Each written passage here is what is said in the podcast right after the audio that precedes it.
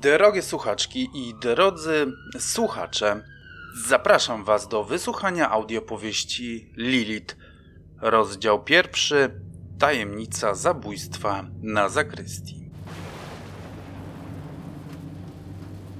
Z ołowianych chmur wiszących nisko nad smokłymi dachami kamienic padał listopadowy deszcz, a silny wiatr rozrzucał zgrabione kubki zeschłych liści upapranych w ulicznym błocie i spalinach. Detektyw Logan wysiadł ze swojego leciwego poloneza i podniósł kołnierz prochowca, chroniąc się przed wiatrem i deszczem. Przed opuszczoną kamienicą na rybakach stały trzy zmoknięte radiowozy, których niebieskie koguty wirowały bezgłośnie po fasadach i przecinały jak miecze świetlne strugi deszczu. Detektyw podniósł taśmę policyjną i pochylając się przeszedł pod nią. Odmachnął policjantowi, który mu się ukłonił i wszedł do kamienicy. Wewnątrz było sucho, a grube ściany tłumiły odgłosy deszczu smaganego wiatrem. Śmierdziało jednak zmokłym psem, uryną i bezdomnością, a pokryta warstwą kurzu podłoga lepiła się od brudu. Detektyw Logan przełknął pierwszy odruch wymiotny i zakrył nos oraz usta dłonią. W pochłoniętych przez mrok pomieszczeniach dostrzegał rozbite małpki wiśniówki, zgniecione puszki po piwie, niedopałki, paczki po papierosach, zużyte prezerwatywy, szczurze bobki. Rozsypujące się ściany korytarzy ginęły w ziejących pustką ciemnościach. Z tych ciemności wyłonił się mężczyzna ubrany jak na wesele, w dwuczęściowym garniturze, w koszuli z krawatem. Był gładko ogolony i perfekcyjnie uczesany, jakby dopiero co wyszedł od fryzjera. Jesteś wreszcie, powiedział do detektywa, uśmiechając się sympatycznie. Jest piąta rano, odburknął detektyw Logan. Poznać po nim było, że wyrwano go drastycznie ze snu. Oczy miał jeszcze zaspane, białka pokryte czerwoną pajęczyną. Jego szpakowate włosy były bardziej rozwichrzone niż zwykle, a twarz pokrywał popielaty, kilkudniowy zarost. Kto normalny jest o tej porze już ogolony i uczesany? Gdzie ofiara? Komisarz Reinfeldt roześmiał się i uściskał dłoń detektywa. Ruszyli w kierunku pomieszczenia, z którego dochodziła świetlna łuna. Detektyw lubił komisarza i szanował jego pracę, ale przy nim czuł się zawsze jak dziad. Prochowiec miał stary i znoszony, spraną i wymiętą koszulę, spodnie wytarte na kolanach, a na stopach nosił sportowe obuwie. Skąd on bierze na to czas? myślał czasami. Jaki normalny facet tak o siebie dba? Weszli do jednej z opuszczonych izb kamienic, w której gorzało silne, oślepiające światło. W jego blasku detektyw dostrzegł martwą dziewczynę. W zasadzie dziecko, pomyślał. Zmrużył oczy i przyjrzał jej się. Chcąc, nie chcąc, przypomniał sobie od razu o innej, bliźniaczo podobnej dziewczynie, którą kilka miesięcy wcześniej znaleźli w jednym z fortów na Cytadeli. Ta była równie ładna, także blondynka, niewysoka, raczej filigranowa. Leżała na jakimś zakurzonym stole czy, czy ławie, twarzą do ziemi. W takiej pozycji, jakby ktoś przełożył ją właśnie przez kolano i nastrzelał na nagie dubsko. Była naga. Spódniczkę miała wysoko zadartą aż na plecy, a majtki ściągnięte. Po wewnętrznej stronie ud ściekała stróżka krwi, tworząc na brudnej ziemi czerwoną kałużę, w której odbijały się światła lamp. Ręce miała rozłożone na znak krzyża, zupełnie tak samo jak ta w forcie na Cytadeli, pomyślał detektyw. Wokół ofiary pracowało dwóch techników kryminalistyki. Ubrani w białe plastikowe kombinezony, maski na twarzach i gumowe rękawiczki zabezpieczali metodycznie ślady zbrodni w jasnym świetle lamp. Zakryjcie ją na Boga! warknął Logan. Technicy spojrzeli na detektywa trochę niechętnie, trochę niezadowoleni, że im przeszkadza, jednak większy z nich podniósł się bez słowa, wyciągnął z torby czarny plastikowy worek i przykrył nim nagie ciało dziewczyny. Kto ją znalazł? Zwrócił się Logan do komisarza Reinfelda. Bezdomny Marych, odparł komisarz. Ten, co żebrze przy placu bernardyńskim. On śpi w tej kamienicy. Komisarz Zaprowadził detektywa do pokoju po drugiej stronie ciemnego korytarza i w mroku Logan dostrzegł legowisko z kartonów, starych pierzyn i materaców. Tłuste i brudne, poplamione jakimiś wydzielinami albo resztkami sosów. Przy tym gnijącym barłogu tlił się jeszcze ogarek świecy czy znicza. Gdzie on jest? Zapytał detektyw, rozglądając się, jakby miał nadzieję, że go tu znajdzie. Zabraliśmy go na komisariat, powiedział jednak komisarz. Mówił, że obudził się przed świtem, bo chciał się odlać i wtedy na nią wpadł. Twierdzi, że niczego nie słyszał ani nie widział. Powiedział, że był zbyt pijany i spał jak za. Wrócili do pokoju, w którym dokonano zbrodni. Był jasno oświetlony lampami, które, niczym krzew gorejący, jaśniały w ciemnościach tej zapuszczonej kamienicy. Lampy te tłumaczył kiedyś detektywowi Loganowi Vincent Masuk, jeden z techników. To jakieś oświetlacze najnowszej generacji. Potrafią wykryć ślady broni palnej, włosów, odciski butów, a nawet ślady krwi, jak w hollywoodzkich filmach, pomyślał wtedy detektyw. Znaleźliście coś? zapytał techników. Żadnych śladów, powiedział ten większy, który na klęczkach unosił coś pęsetą z ziemi. Schował to do strunowego woreczka, podniósł się i podszedł do detektywa. Nic wartościowego, a tym bardziej brak narzędzi zbrodni, dodał, zdejmując z twarzy maskę. Był to właśnie Vincent Masuk, trzydziestokilkuletni nerd z nadwagą i nieodgadniętymi dla detektywa zainteresowaniami, choć z twarzy sympatyczny, a w obliczu do rany przyłóż. W jego oczach, mimo tak straszliwej zbrodni, a może i z jej powodu, detektyw wolał nie wiedzieć, leśnił blask fascynacji. Jego pozytywne podejście do wszystkiego, jego wewnętrzna energia i pogodne nastawienie sprawiały, że każdy chciał się z nim zaprzyjaźnić, że od razu chciało się mu ufać. To znaczy żadnych śladów poza śladami butów, dodał Masuk, wskazując rozmaite ślady w pyle i kurzu na ziemi. Robimy zdjęcia, choć odcisków obuwia jest tu wiele.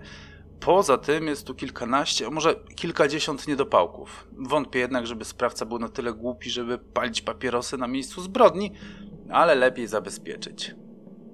A jakieś kawałki skóry pod paznokciami ofiary albo włosy napastnika? Zapytał detektyw mechanicznie, choć już w trakcie wypowiadania tych słów wiedział, że pyta o oczywiste dla techników rzeczy. Nie mamy żadnych fizycznych śladów, powiedział Vincent Masuk. Co myślisz? zapytał Logana komisarz Reinfeldt. Detektyw przyjrzał się miejscu zbrodni i podrapał po brodzie. Do zabójstwa musiało dojść tutaj, powiedział z pełnym przekonaniem. Ciało nie zostało przywleczone. Wskazał korytarz i wejście do izby. Dopiero tutaj kurz jest rozkopany, Tutaj musiała zacząć się szamotać, wyrywać się sprawcy, ale dopiero w tym miejscu. Ofiara musiała przyjść dobrowolnie. Czyli znała sprawcę?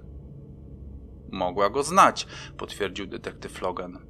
Ale sądząc po jej ubiorze, mruknął, przyglądając się dziewczynie okrytej plastikowym workiem, wystawały spod niego buty na wysokim obcasie imitujące czarny lateks, wysokie do samych kolan, Miałam na sobie też siateczkowe pończochy, bardzo krótką spódniczkę i koronkowe stringi, leżące teraz smutno na wysokości kostek w kałuży krwi. Mogła też być prostytutką, a sprawca był przypadkowy. Czyli facet ją wynajął albo poznał w knajpie, powiedział komisarz Reinfeldt. Przyszli tutaj i doszło do szamotaniny. Może ona nie chciała w takim miejscu, a może on nie miał gotówki. Szarpią się, szarpią, stąd te ślady na kurzu, aż on wreszcie ją zabija. Może i tak było, powiedział detektyw, ale myślę, że sprawca był przypadkowy, a nie ofiara, podkreślił zagadkowo. Myślę, że on wiedział, kogo zabija. Mówisz, że on zaplanował to morderstwo? zapytał komisarz. A skąd pewność, że to on odezwał się kobiecy głos. Detektyw Logan i komisarz Reinfeldt odwrócili się. Olivia Moore, rzekł detektyw, kłaniając się jej lekkim skinieniem głowy. Nasza wybitna koronerka. Wysoka, Wciąż młoda, mimo swoich 35 lat kobieta o ciemnych, kręconych włosach i pięknych, piwnych oczach, wyglądających jak para migdałów, uśmiechnęła się, choć nie wiedziała, czy detektyw sobie z niej drwi, czy mówi poważnie. Widzę, że zapamiętał pan, że nie jestem panią koroner. Ucieszyła się trochę teatralnie, przełożywszy z prawicy kubek kawy do lewej ręki i podając detektywowi dłoń. Logan potrząsnął ją i odpowiedział z lekką drwiną, choć sympatycznym uśmiechem. Jakże mógłbym nie zapamiętać? W całym życiu nie słyszałem dłuższego wywodu na temat potrzeby feminizacji nazw zawodów. Kornerka Olivia Moore się zaśmiała. Jest mi niezwykle miło, powiedziała.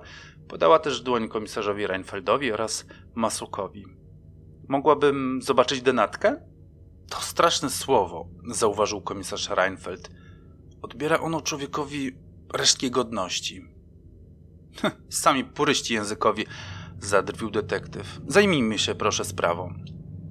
Koronerka obdarzyła go ironicznym uśmiechem i podeszła do ciała.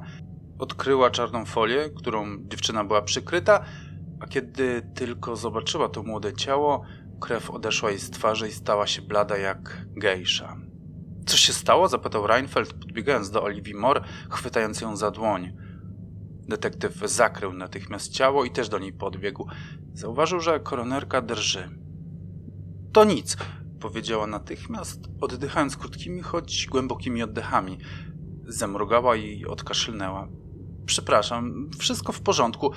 Wydawało mi się przez sekundę, że znam ofiarę, powiedziała, a detektyw miał wrażenie, że głos jej drżał. Nie znał Oliwii Moore zbyt długo, to była dopiero ich druga wspólna sprawa. Do policji w Poznaniu dostała się zaledwie dwa miesiące temu. Niewiele o niej wiedział, poza tym, że wcześniej pracowała w jakichś niewielkich miasteczkach w Kujawsko-Pomorskim. Jak można tak potraktować kobietę?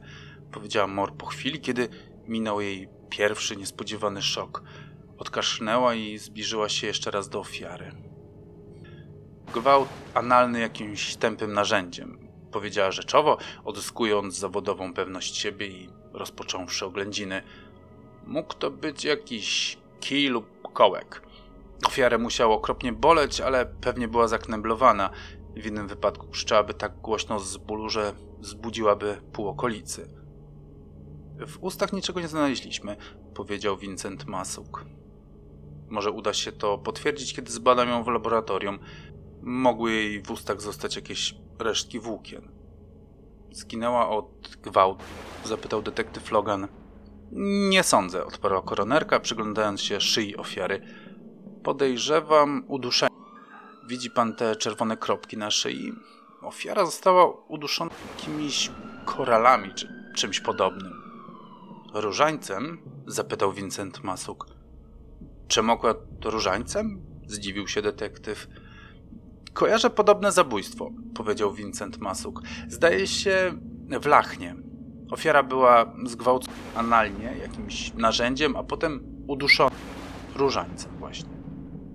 Ale to był ksiądz, zauważył komisarz Reinfeld, nie prostytutka.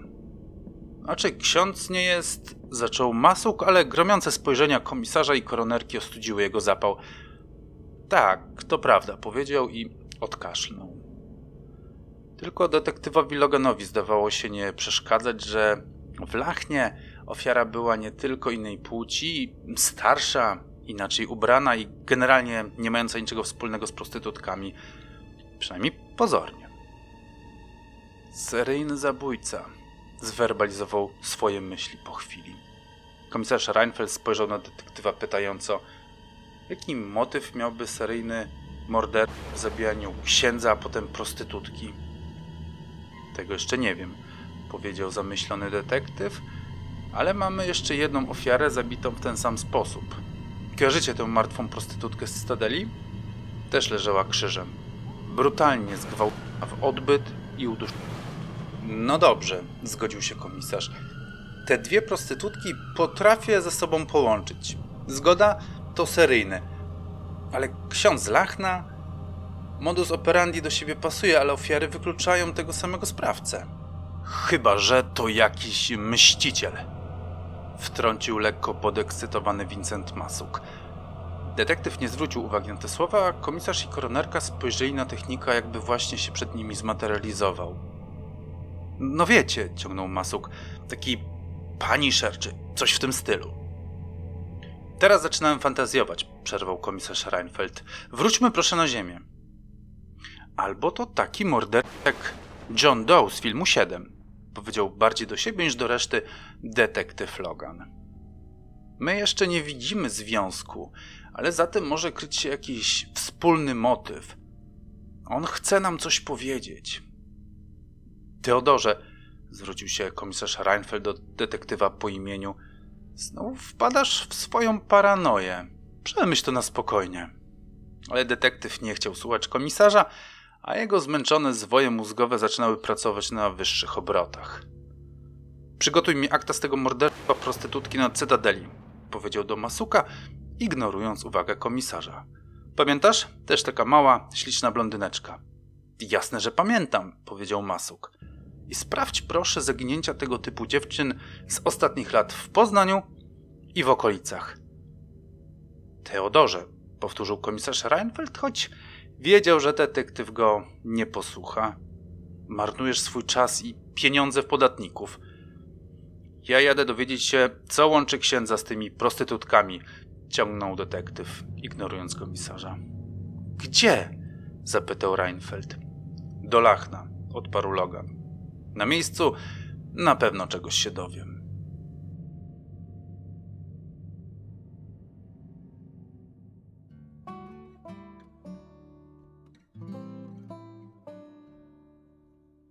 Z okien komendy policji w Lachnie widać niewielki, porośnięty wierzbami park. Przecinają go urocze, zadbane alejki, przy których stoją czyste ławki i kosze na śmieci. Na ławkach siadają czasami starsi mieszkańcy miasteczka, aby przeczytać gazetę lub rzucić gołębiom kawałek chleba. Kilkanaście lat temu siedziałem na nich ja z kolegami, choć wtedy były to stare, zmurszałe ławki z połamanymi deskami. Piliśmy piwo albo wino z kartonu. Teraz młodzież tego nie robi, bo nieruchome spojrzenia kamer mają oko na cały skwer. Park był teraz pusty i mokry po porannym deszczu. Wilgotne, ociężałe cielska chmur wciąż wisiały nad nim nisko, ocierając się o wierzchołki bezlistnych drzew. Wiatr potrząsał nagimi gałęziami i rozrzucał mokre liście gnijące na trawniku. Letarnie uliczne już pogasły i zrobiło się mroczniej, bardziej przygnębiająco niż samego rana. Wycinając z białego i czerwonego papieru konfetti, rozmyślałem o tym, jak to możliwe, że Polska, ten kraj w środku Europy, gdzie tylko zimno i pada, jak śpiewał Kazik, okazuje się być jednym z najbardziej suchych obszarów w Europie. Tak często zdarzają się powodzie i podtopienia, deszcz pada na okrągło przez cały rok, a my nie potrafimy tą gospodarką wodną zarządzać. A kiedy tylko przychodzi ciepły maj, poziom rzek spada i w niektórych regionach kraju brakuje wody pitnej. To przygnębiająca myśl, zwłaszcza w tak ponury listopadowy poranek. Lecz jakie inne myśli mogą człowieka nachodzić, kiedy siedzi zamknięty w czterech ścianach posterunku policji, zmuszony do wycinania konfetti. Jedyny widok, jaki ma z okna, to zmoknięty park i okrutnie nudne jedno- lub dwupiętrowe budynki z początków XX wieku. Na parterze tych budynków są sklepy i punkty usługowe, na piętrach mieszkania. Wyblakła farba odchodzi całymi płatami od fasad, pokrytych krzykliwymi, choć wypłowiałymi banerami reklamowymi, których oferty już od dawna nie są aktualne. A sam budynek komendy policji, w którym siedzę, to trzypiętrowa budowa jeszcze z XIX wieku, wzniesiona przez Prusaków. Dziś koloru bladej jajecznicy, pokryta dachówką o kolorze przypalonego boczku. Jak ja się tu znalazłem, myślę.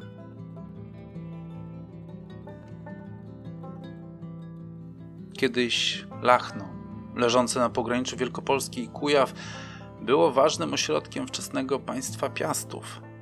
Pośród rozlicznych jezior i bagien istnieć tu miała dobrze zorganizowana osada otoczona palisadami i zasiekami. Jeszcze zanim Mieszko I zaczął najeżdżać te okolice. Jej pozostałości w postaci glinianych skorup po naczyniach, grzebyków z kości, koralików i innych artefaktów można dziś podziwiać w opustoszałym Muzeum Ziemi Lachnieńskiej. Odwiedzają je jedynie wycieczki szkolne z młodymi, ambitnymi nauczycielami, którzy jeszcze nie zdążyli stracić wiary w misję edukacji i wniesiony przez nich kaganek oświaty. Za panowania pierwszych piastów Lachno zostało ogniem i mieczem zaproszone do tworzącego się tu właśnie wielkiego państwa i za obietnicę ochrony narzucono osadzie haracz.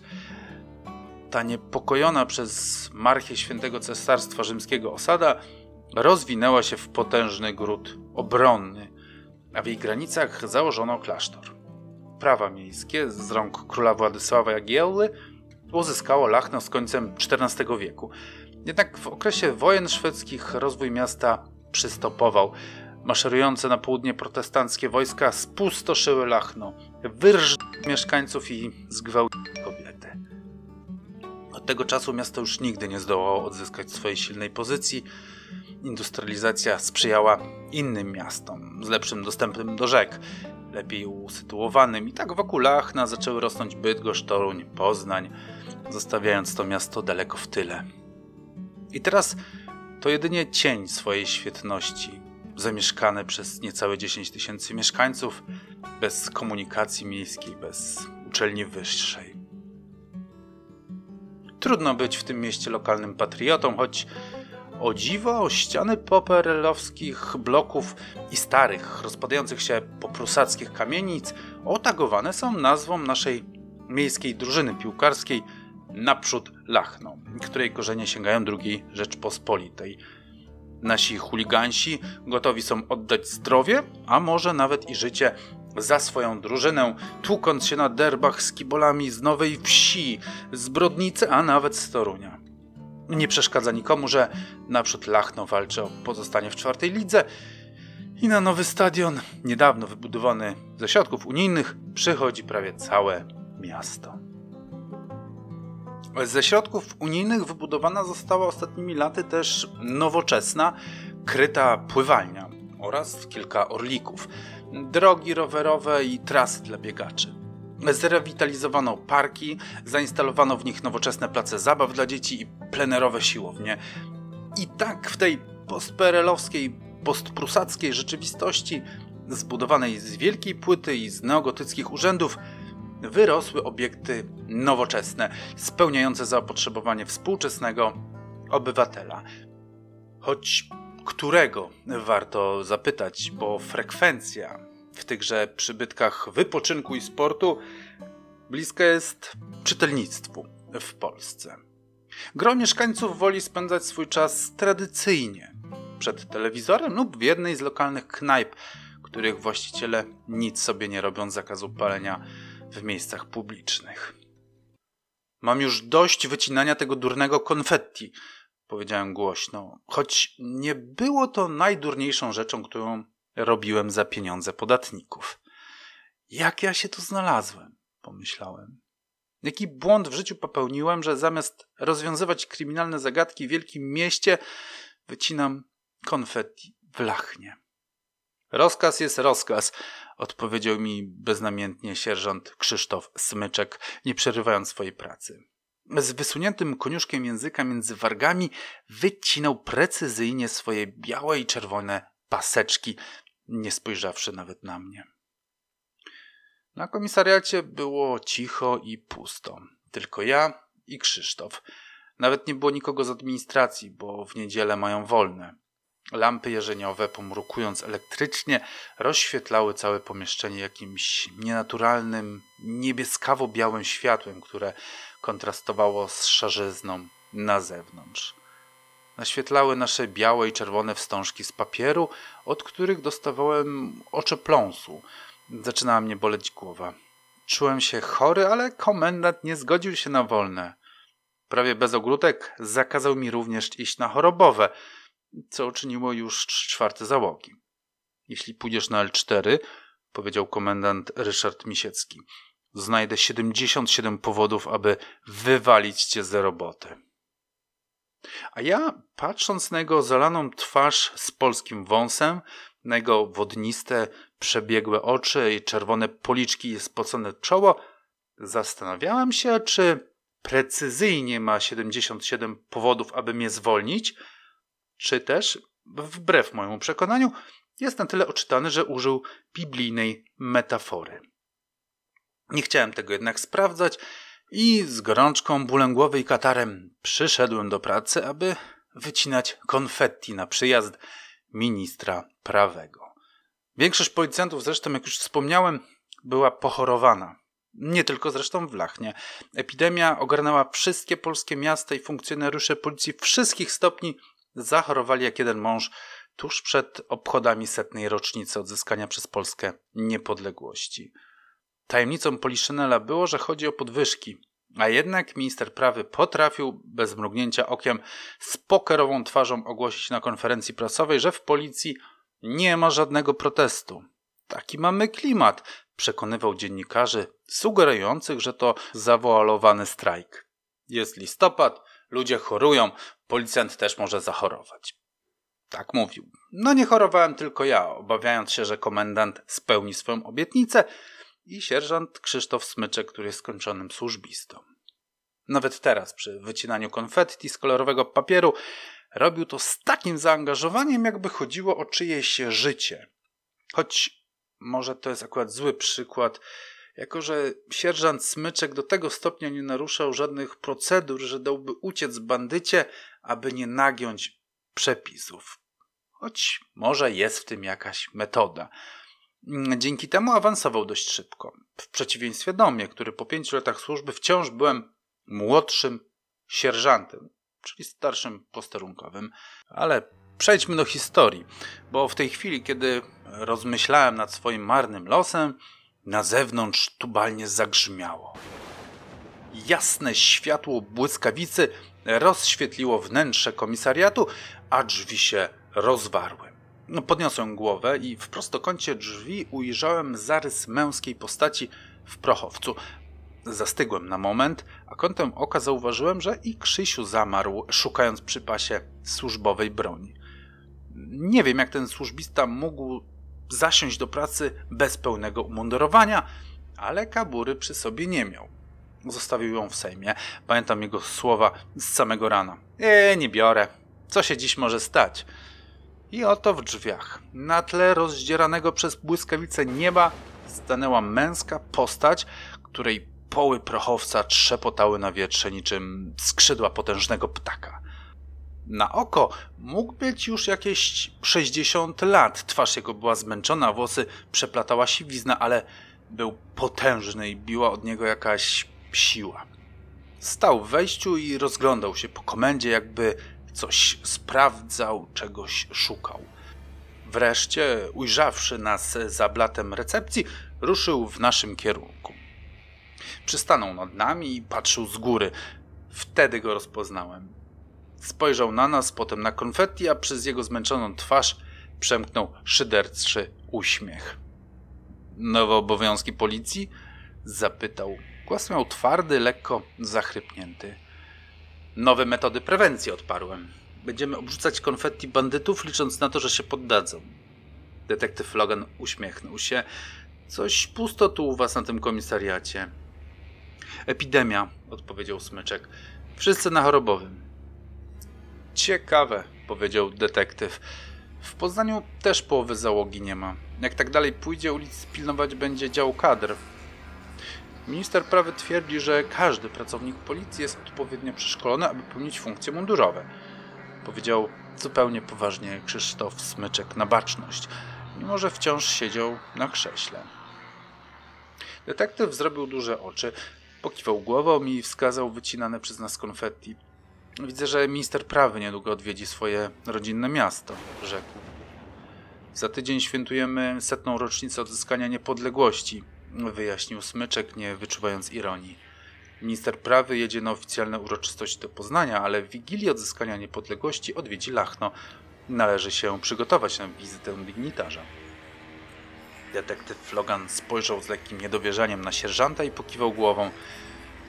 W czym możemy panu pomóc? Zapytałem wreszcie, ucinając ten rozpędzający się w niebezpiecznym kierunku festiwal żenady.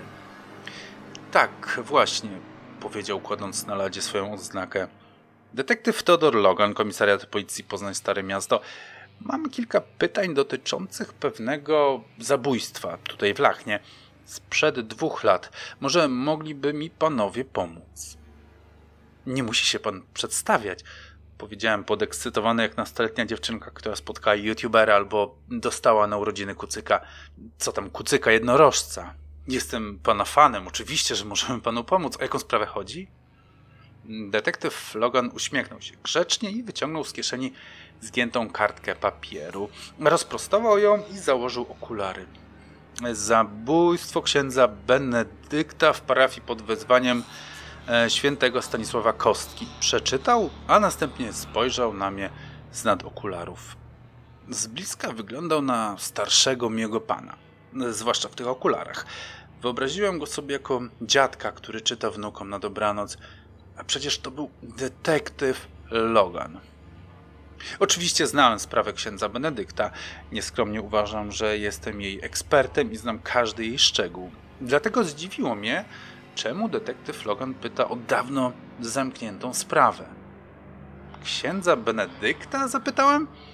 Pojawiły się jakieś nowe dowody? Nie rozumiem, odparł detektyw. Jakie nowe dowody? No bo ta sprawa jest już dawno zamknięta, powiedziałem. Zabójca siedzi za kratkami. Myślałem, że pojawiły się jakieś nowe dowody, skoro pan pyta. Złapaliście sprawcę? Spytał zbity z tropu, jakby nic o tym nie wiedział. No tak, krótko po zabójstwie. Odparłem. Detektyw Logan opuścił głowę i zdjął okulary. Westchnął. Kto go zabił? Spytał zrezygnowany. Zabił go organista, odparłem zgodnie z raportem. Taki niepełnosprytny, choć ładnie grał na organach. Znałem go. Co znaczy niepełnosprytny? No wie pan, nie był za bardzo rozgarnięty. Cieszył się do wszystkiego jak głupi do sera. Jąkał się i ślinił. Taki kościelny quasimodo. Podobno mu odbiło i zabił księdza Benedykta, a potem zgwałcił go krzyżem.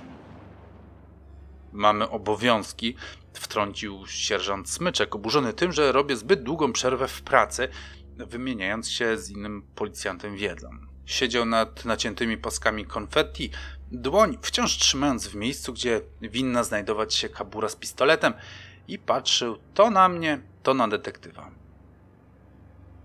Najpierw zabił, a potem zgwałcił dopytał detektyw Logan, ignorując zupełnie smyczka, spoglądając przez trzymane w dłoni okulary na swoje notatki. Nie byłem tego akurat pewien. Wyleciało mi to z głowy, jednak po dłuższym zastanowieniu rzeczywiście najpierw zgwałcił, a potem zabił.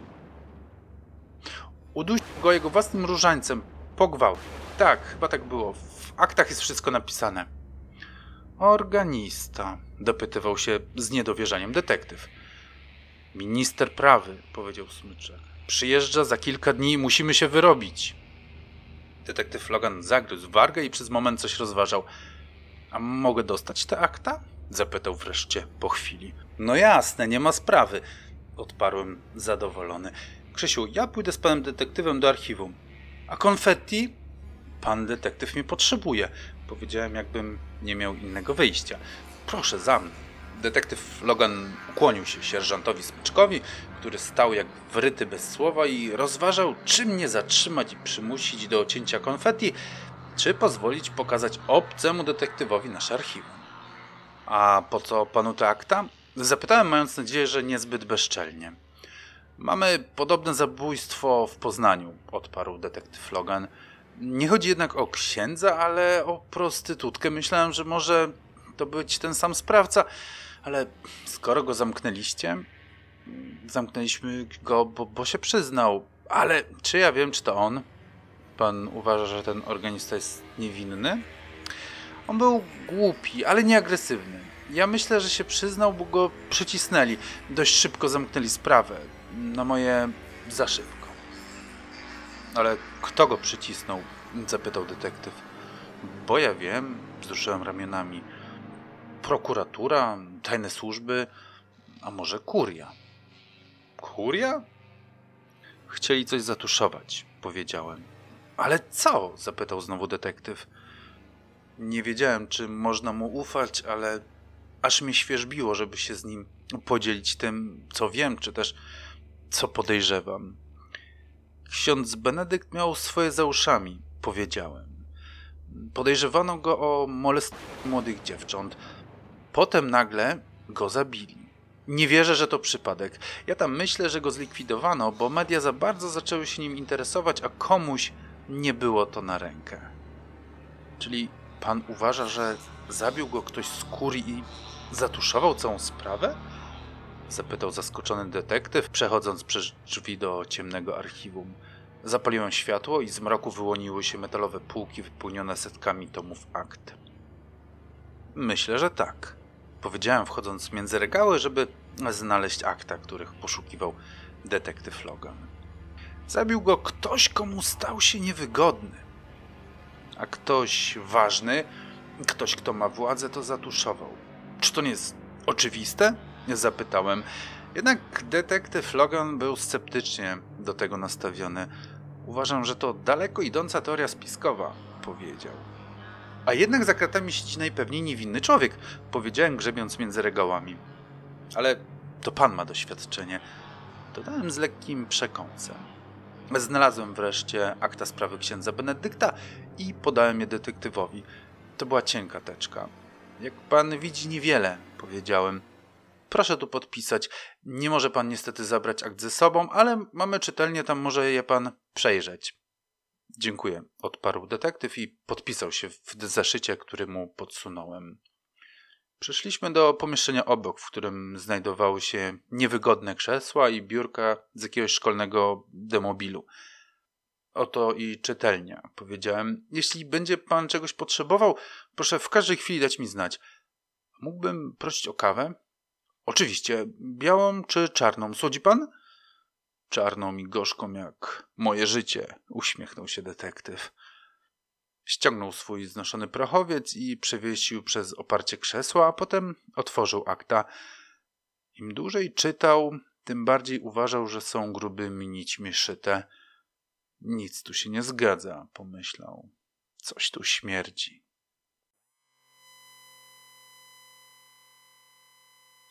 Zimne, drgające światło lampy jarzeniowej rozświetlało czytelnię archiwum Komisariatu Policji w Lachnie, mieszczącą się na poddaszu starego, neogotyckiego budynku. Niebieskawa jasność, bzycząca cicho z sufitu, oświetlała niewielkie pomieszczenie, w którym znajdowały się cztery szkolne biurka i osiem krzeseł, jak w miniaturowej klasie szkolnej. Za okratowanymi oknami, osadzonymi prawie pod sufitem, panował wciąż szary mlok listopadowego poranka. Detektyw Logan pomasował swoje skronie i rozciągnął się na niewygodnym krześle, podobnym do tego, na jakim przesiedział całe liceum i podstawówkę. Przed nim leżała szara, jak listopadowa pogoda, tekturowa teczka opisana markerem. Akta sprawy karnej numer 03 łamane przez 2016. Nie była jednak gruba. Wyglądała jakby znajdowały się w niej akta kradzieży roweru z piwnicy albo rabunku w kiosku ruchu, a nie morderstw. Sięgnął po kawę, zalewajkę w szklance z ciemnego arkoroku, którą przyniósł mu posterunkowy Pawlak i spojrzał w jej głębie. Patrzył na fusy, które unosiły się na powierzchni brązowej, mętnej cieczy i odrywając się od niej raz po raz, niczym płatki sztucznego śniegu w śnieżnej kuli, opadały wolno na dno, kręcąc piruety w zawiesinie. W przeciwieństwie do śnieżnej kuli, dno było czarne i pozbawione tandetnej i świątecznej scenografii. A o nią ostatnio wcale nie trudno. Jak tylko z dyskontów znikły wieńce pogrzebowe i znicze, pojawiły się świecące radośnie lampki, bombki, łańcuchy i renifery. Świat znowu powariował, pomyślał detektyw. A może to walka z jesienną handrą, szarzyzną i depresją?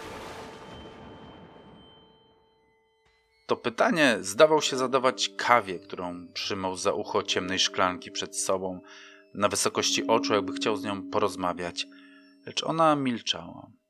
Powąchał ją, lecz nie wyczuł żadnego aromatu. Zbliżył usta do krawędzi szkła i głośno sierbiąc posmakował kawy. Miała posmak gotowanej wody w zwapniałym czajniku i fusów, które wchodziły między zęby. Smak poprzedniej epoki, smak lat dziewięćdziesiątych, smak przyjęć rodzinnych i wiejskich wesel. Nie była nawet gorzka, mdła i kwaśnawa, a jednak to była kawa. Detektyw Logan nie chciał jeszcze otwierać leżącej przed nim teczki, której zawartość wiedział to, na pewno go rozczaruje. Jak wszystko w tym zaściankowym, zabitym dechami lachnie. Cały cywilizowany świat pije słodzone ksylitolem latte z mlekiem migdałowym, a tu sypana warkoroku. Cały świat poważnie podchodzi do bezwzględnych mord, a tu skazują umysłowo ograniczonego organistę na podstawie jednej niegrubej teczki. Nie lubił małych miasteczek, może nawet się ich obawiał, bo na wsi, w sąsiedztwie z naturą, dałby jeszcze radę żyć, ale w takim lachnie, które nie jest ani miastem, ani wsią, umarłby ze zgryzoty. Nie ma tu ani kina, ani teatru, nawet porządnej restauracji. Po dwudziestej miasteczko obumiera i słychać tylko ujadanie psów.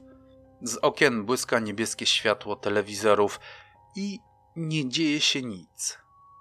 W takim miasteczku jak Lachno ktoś mógłby zabić księdza z samej tylko nudy, pomyślał ponuro detektyw.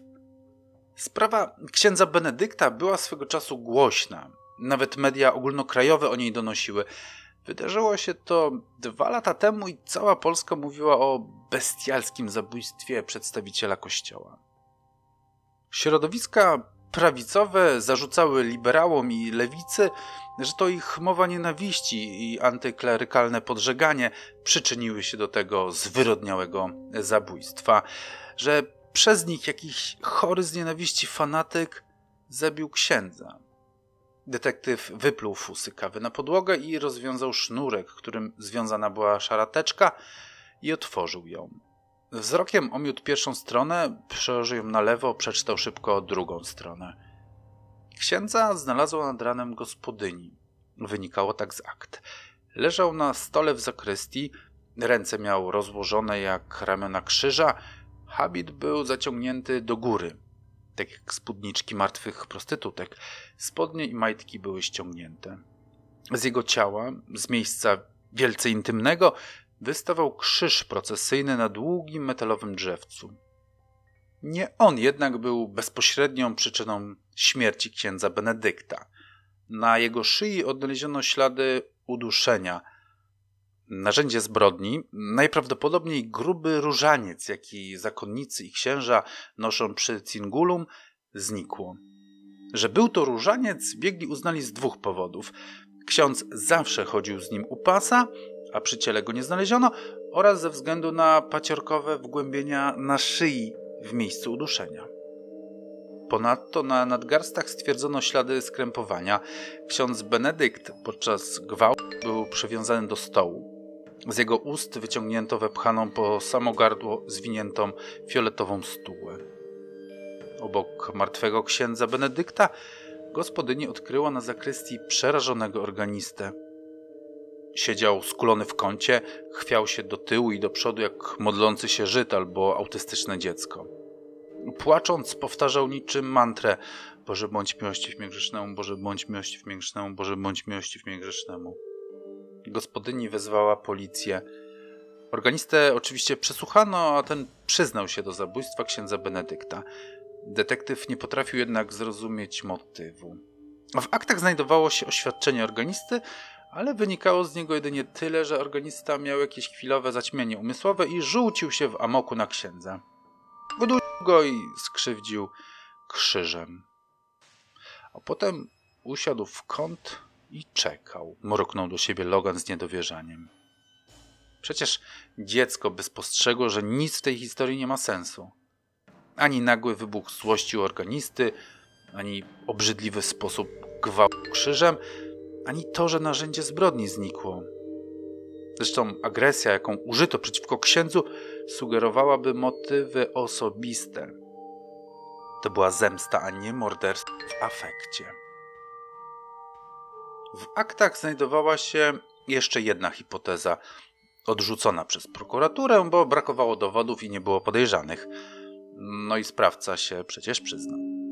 A jednak w mniemaniu detektywa Logana to ta alternatywna hipoteza trzymała się kupy. Miała ona mniej dziur i składała się na lepszą całość niż upośledzony umysłowo organista zabójca.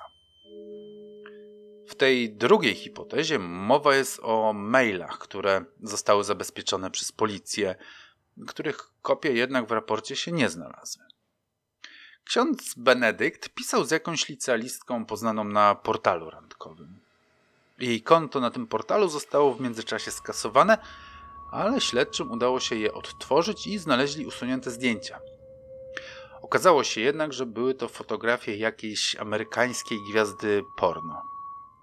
Co ciekawe, była to filigranowa blondynka. Tymi zdjęciami posłużyła się owa nastolatka lub ktoś za nią podający. IP komputera też nie udało się zidentyfikować, bo kimkolwiek był sprawca, logował się na zagranicznych serwerach i nie był lub nie była do namierzenia. Rzekoma licealistka lub ktoś za nią podający miała pojawić się u księdza tej nocy, kiedy go zamordowano. Nie wiadomo jednak, czy się pojawiła. Według autora tego raportu tak. I to ona lub ktoś się za nią podający zabiła księdza. Motywem miały być niepotwierdzone pogłoski, jakoby ksiądz Benedykt miał lepkie rączki wobec młodych dziewcząt. Prokuratura uznała jednak, że to jedynie paszkwile, jako że oskarżenia wysnuwane przeciwko księdzu nie zostały nigdy potwierdzone. Jedno było dla detektywa Logana pewne: organista był niewinny. Wrobiono go. Podsunięto papier, który ten bez zastanowienia podpisał, a prawdziwy sprawca wciąż był na wolności. W głowie detektywa odbywała się rekonstrukcja zdarzeń.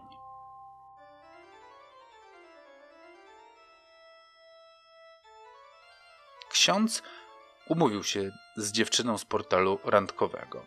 O umówionej porze zjawia się u niego, dzwoni do zakrystii, bo tu się umówili, i on jej otwiera. Spodziewa się pięknej, filigranowej blondynki, lecz zamiast niej w drzwiach pojawia się morder. Znienacka i silnie uderza księdza w krtań, a ten mdleje. Odzyskuje przytomność dopiero po jakimś czasie. Krtań boli go niepojętnie, krztusi się, ma trudności ze złapaniem oddechu. Uświadamia sobie, że jest przywiązany do biurka. Jego ramiona rozłożone są w znak krzyża, sutanna wysoko zadarta, a spodnie i gadki opuszczone. Czuje obecność napastnika, ale go nie widzi. Nie może odwrócić głowy, jest skrępowany. Chce krzyczeć, ale w ustach, aż po same gardło wciśnięty ma jakiś materiał. Okaże się potem, że to fioletowa stuła. Ksiądz próbuje się wyrwać, ale przywiązany jest zbyt mocno. Oczy zachodzą mu krwią i łzami, na szyi i skroniach pękają mu z wysiłku purpurowe żyły, pot oblewa jego twarz. Kim jest napastnik? Może to chłopak licealistki, a może ojciec, który odkrył, że ksiądz chce wykorzystać seksualnie jego córkę. A może ojciec dziewczyny, która już została przez księdza skrzywdzona? A może sama skrzywdzona? Ksiądz podejrzewa, wie, co go czeka i chce błagać o litość. Płacze, pojękuje, choć usta ma szczelnie zatkane. Napastnik jednak niczego sobie z tego nie robi. Spokojnie, wręcz metodycznie zabiera się do swojego dzieła. W rogu zakrystii stoi krzyż procesyjny na długim metalowym drzewcu. Napastnik wyjmuje go ze stojaka.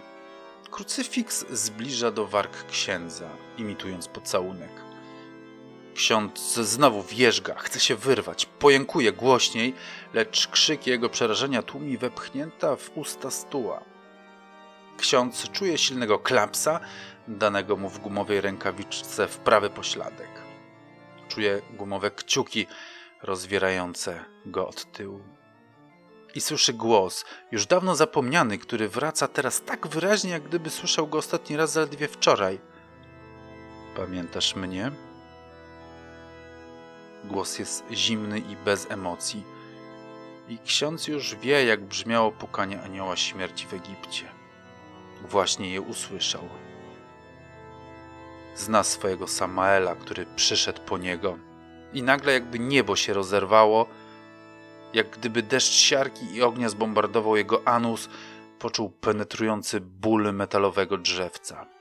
I zdążył tylko pomyśleć, dlaczego ja to wtedy zrobiłem. Potem ból rozerwał go na części. Ksiądz nie odzyskał przytomności. Po gwałcie napastnik zarzucił mu różaniec na szyję i mocno pociągnął dusz księdza tak długo, aż ten stracił oddech. Potem zabrał ze sobą różaniec i wyszedł, zostawiając księdza martwego z krucyfiksem w odbycie. I w tej pozycji zastał go organista. Przeraził się, wystraszył, dopadł go jakiś atak paniki i skulony przesiedział do rana, powtarzając, aby Bóg był miłościw mu grzesznemu. I wtedy znalazła ich gospodyni. Do drzwi zapukał posterunkowy Pawlak. Uchylił je i zajrzał do środka. Jak idzie śledztwo? zapytał. Detektyw Logan przyciągnął się na krześle i ziewnął. Kciukiem i palcem wskazującym przetarł zauzawione oczy, pomasował skronie. Tak jak pan mówił, powiedział. Nic tu się nie zgadza. Mam wrażenie, że nikomu nie chciało się ścigać prawdziwego zabójcy i wszystkie raporty napisane były tak, aby skazać organistę. On miał w ogóle jakiegoś adwokata? Posterunkowy Leon Pawlak uśmiechnął się z lekkim sarkazmem. Dostał kogoś z urzędu, powiedział. Ale wyglądało to tak, jakby odgórnie ktoś mu podpowiadał, jak ma nie obronić organisty. A moim zdaniem nawet sędzia był w to zamieszany. Ktoś ważny wywierał naciski. Ale po co? Z raportu, z tej drugiej, odrzuconej części wynikałoby, że zamieszana jest to jakaś licealistka Podejrzewam, że jej chłopak lub ojciec zemścił się na księdzu.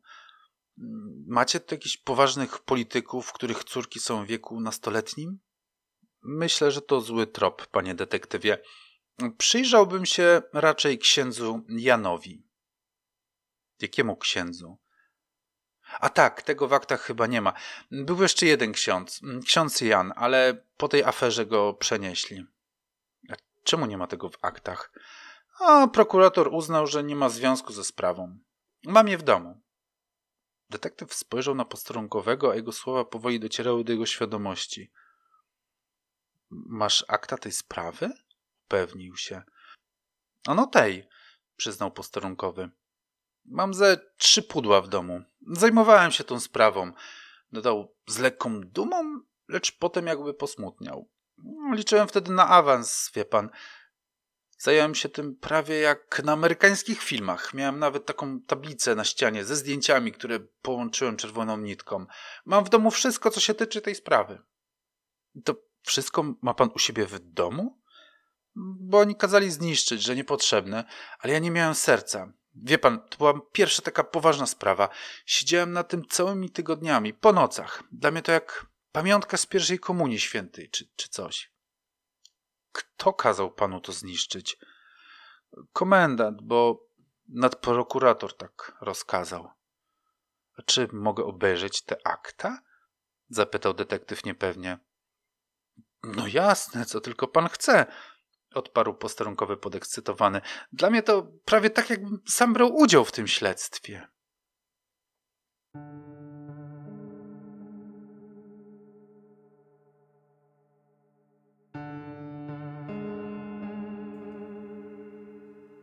to, moi kochani, byłoby na dzisiaj na tyle. Do usłyszenia przy drugim odcinku, najprawdopodobniej w najbliższy poniedziałek. Pozdrawiam Was serdecznie i do usłyszenia. Pa!